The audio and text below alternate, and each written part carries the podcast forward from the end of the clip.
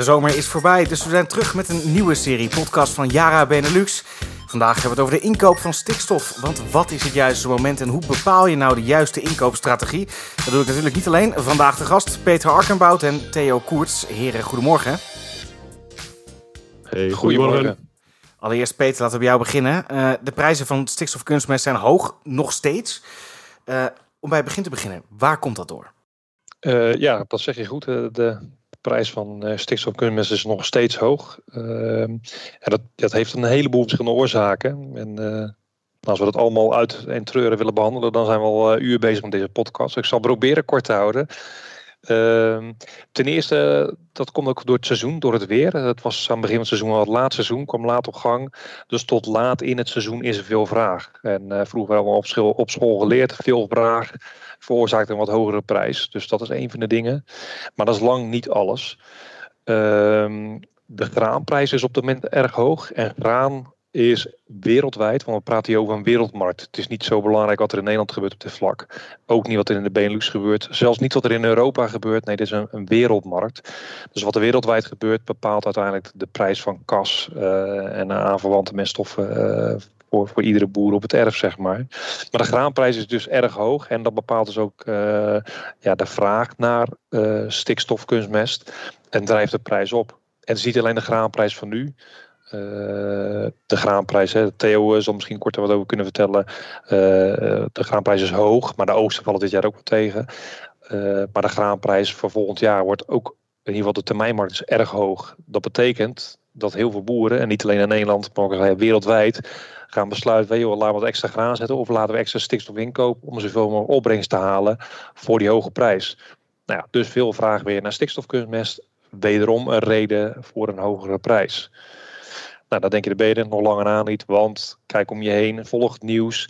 Wat zie je dan dat de energieprijzen hoog zijn? Ik heb het eens even opgezocht. Uh, als je kijkt naar uh, de, de prijzen uh, van gas, een belangrijke grondstof voor, voor kunstmest die lag uh, vorig jaar rond deze tijd lag dat uh, rond de 1 tot 2 US dollars. Nu ligt het op 14 tot 15 US dollars. Dat is nog een behoorlijke factor verschil. Dus ook daar, de grondstof voor kunstmest is ook niet een beetje duurder, maar fors fors duurder. Flink wat factoren tussen. Nou, dan kan je nog in het algemeen kijken. Als je kijkt, ja, zet het nieuws maar aan en het onderdag komt er wel een berichtje voorbij dat grondstofprijzen duur zijn. Bijvoorbeeld chips, eh, niet chips die in een uh, zak zitten die eten, maar chips voor in apparaten. Uh, die zijn duur. Sterker nog, die worden heel veel plekken niet geleverd. De meest simpele apparaten zijn niet leverbaar. Uh, leeftijden op auto's zijn immens lang. En dat komt echt niet doordat je auto niet in elkaar zit, maar omdat bepaalde dingen niet geleverd kunnen worden, zoals chips en, en die, die grondstoffen ervoor, ja, die zijn ontzettend duur en schaars. En dat, dat is op allerlei vlakken is dat. Dus dat geldt ook voor, voor kunstmest. En dat betekent uh, dat de prijs nu hoog is. En dit zijn de oorzaken, maar ook waarschijnlijk dat het op korte termijn niet gaat veranderen. Nee, de vraag en vragen beantwoord je eigenlijk al. De prijs blijft dus ook hoog de komende tijd. Uh, kan je dan ook aangeven wanneer het als uh, melkveehouder, bij je dus eigenlijk een mini-mini persoon bent aan het einde van die hele keten, wanneer je dat dan goed gedaan hebt? Ja, dat weet je achteraf pas natuurlijk met dit soort dingen. Dus dat is uh, het lullige. Uh, maar kijk naar de mensen, want dit is niet voor het eerst even uh, vertellen. Dit is eigenlijk het hele seizoen al wat aan de gang. En in, in juni hebben we er ook een podcast over gemaakt. En, en ook wat over gepubliceerd. En je ziet dat de boeren die er destijds op ingesprongen zijn. En natuurlijk was dat in het seizoen en hadden agrariërs nog kunstmest nodig. maar degene die toen gekocht hadden, die hebben een goede deal gemaakt ten opzichte van de situatie. De prijs ligt ruim 20% hoger dan, uh, uh, dan nu. Dus ja, degenen die toen ingeslagen hebben, die, die hebben daar een flink prijsvoordeel gehaald. En destijds werd ook gezegd, joh, gedraag je nou als een handelaar en kijk vooruit en spreid je inkoop. En ja, dan doe je het goed. Dat advies geldt dus nog steeds. Theo, over naar jou. Leg eens uit. Jij komt bij de melkveehouder op het land. Je zit bij hem aan de keukentafel. Wat zijn jouw ervaringen vanuit de praktijk? Nou, ik heb nog wel een mooi voorbeeld. Ik uh, ben uh, afgelopen vrijdag heb ik een rondje Luxemburg gemaakt. En daar uh, wat, wat melkveehouders gesproken. Die ook graan verbouwen. En daar ja, toch op het erf gereden. En ja, op zich wel leuk. Ik reed door die, Diekirch. En ik, ik zie big bags van Yara staan. Dus dat was voor mij een extra trigger om daar het erf eens op te rijden. Dus die boer aangeschoten en uh, hey, hallo, alles goed? Nou ja, tevreden over de big bags. Natuurlijk weten hoe het ons product is. Ja, super kwaliteit, zegt hij. Hij haalde ook wel vaak los producten en daar had hij nog wel eens wat klachten over. Dat de opslag in ja, die, die loodsen die is nog wel eens een keer wat, wat minder. Dit was super. Hij zegt, ik hoefde me eigenlijk mijn strooien niet schoon te maken na het strooien. Maar nou ja, alle dingen een beetje bij langs gepraat. Ik zeg nou, en hoe ga je nu richting, richting de inkoop doen voor volgend jaar? Ja, zegt hij, het is allemaal duur. Mijn graan is eigenlijk heeft heel weinig opgebracht. Wel een hoge prijs, zeg hij, maar het compenseert elkaar net niet. Nou, dat heb ik op meerdere, bij meerdere boeren gehoord. Maar ik, ik vertel het nu aan de hand van dit voorbeeld. Hij, hij zegt, maar ja, ik, ik, het, het is me te duur op dit moment. Ik zeg, ja, maar als nu iedereen, als jullie allemaal niet kopen gaan de handelaren niet kopen. Maar de productie die draait wel door. Dus dat is wel een, eh, een dingetje. En daar heb ik ook gezegd: van ja, als je dat allemaal doet en de schuur raakt vol, op een gegeven moment wordt het wel verkocht. En dan kan het wel eens in een schip gaan en ergens anders naartoe gaan, dat het zelfs niet in Europa blijft. Betekent ook weer dat de, het aanbod in Europa lager wordt. Dat is een extra prijsopdrijvend uh, iets door het allemaal uit te stellen. Dus een gedeelte te kopen kan uh, ook helpen om die prijs wat uh, te drukken. De volgende stap is, ja, krijgen we het allemaal wel op de plek? En er is al meerdere jaren dat daarover gesproken is, dat het een keer zou gebeuren. Maar dit jaar staan alle seinen wel op verkeerd. Als iedereen zegt van ik ga nu niet kopen, de handelaren kopen niet. En het moet allemaal op het laatste moment nog een keer in het schip, in de vrachtwagen, richting de handelaren. Van de handelaren nog weer naar de boer toe. En de boer moet het ook nog op zijn, op zijn veld krijgen.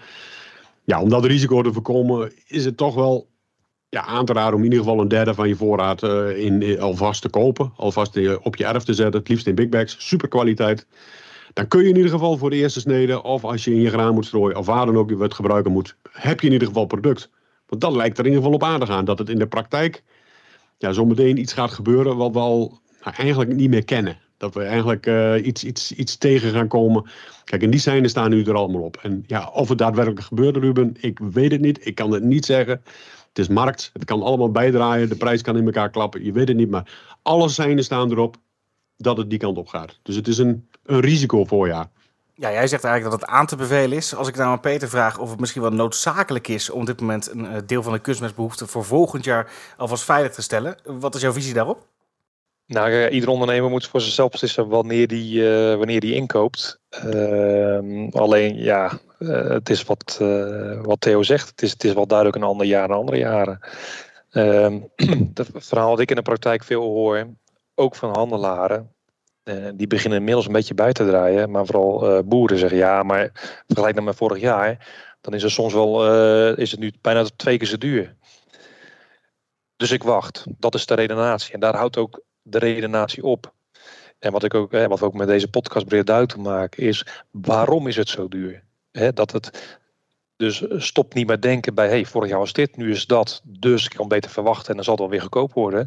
Nou, dat verkondigen Theo en ik nu vanuit verschillende invalshoeken, dat gaat niet gebeuren. En het is net met aandelenhandel, wij weten het ook niet zeker, de toekomst kan niet helemaal perfect voorspellen.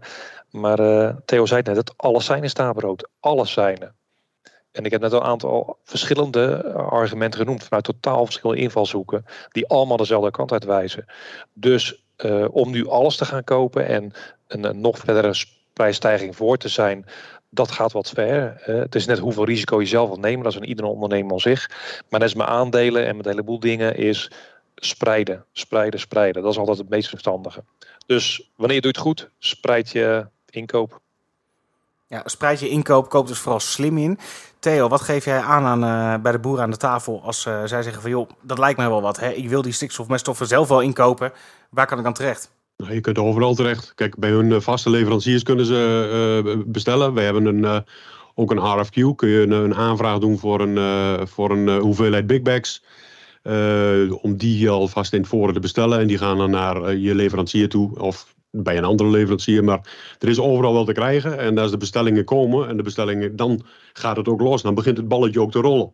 Nu ligt de bal nog gewoon stil. En ja, als dat door die RFQ wat op gang komt, zou het wel een hele mooie zaak zijn. Want dan komt het product al op de plaats waar die moet wezen. Dat is uh, de ontwikkeling. Ja, Peter, voor de volledigheid, die RFQ, die, dat regel je vier jaren zelf, toch? RFQ, dus een beetje interne taal misschien, maar dat is uh, request for quote op zijn Engels. Oftewel, je kan als boer bij ons gewoon offerte opvragen.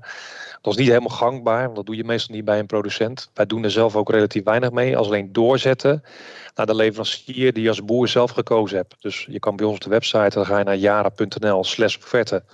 En voor, de, voor onze Belgische luisteraars naar jara.be slash offerte.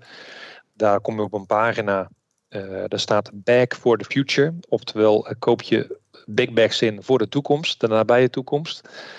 Um, en daar staat extra informatie ook over hè, waarom die prijzen nu zijn zoals ze zijn. Maar ook informatie over hoe kunnen ze op te slaan, over kwaliteit kunnen ze, een heleboel informatie. Maar ook een formulier waar je invult wat je wil, uh, zou willen bestellen.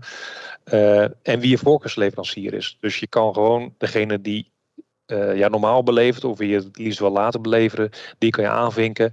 Die levert nog niet, die stuurt alleen nog een offerte. Die neemt contact met je op voor een offerte. Dus het is redelijk veilig, vrijblijvend. Uh, maar je kan vast wel even informeren en kijken wat de mogelijkheden zijn. En voor, je, onze, onze website is het met ja, de twee minuten heb je dat ingevuld. Dan belt iemand je op en dan, dan kan je kijken wat je verder zelf wil.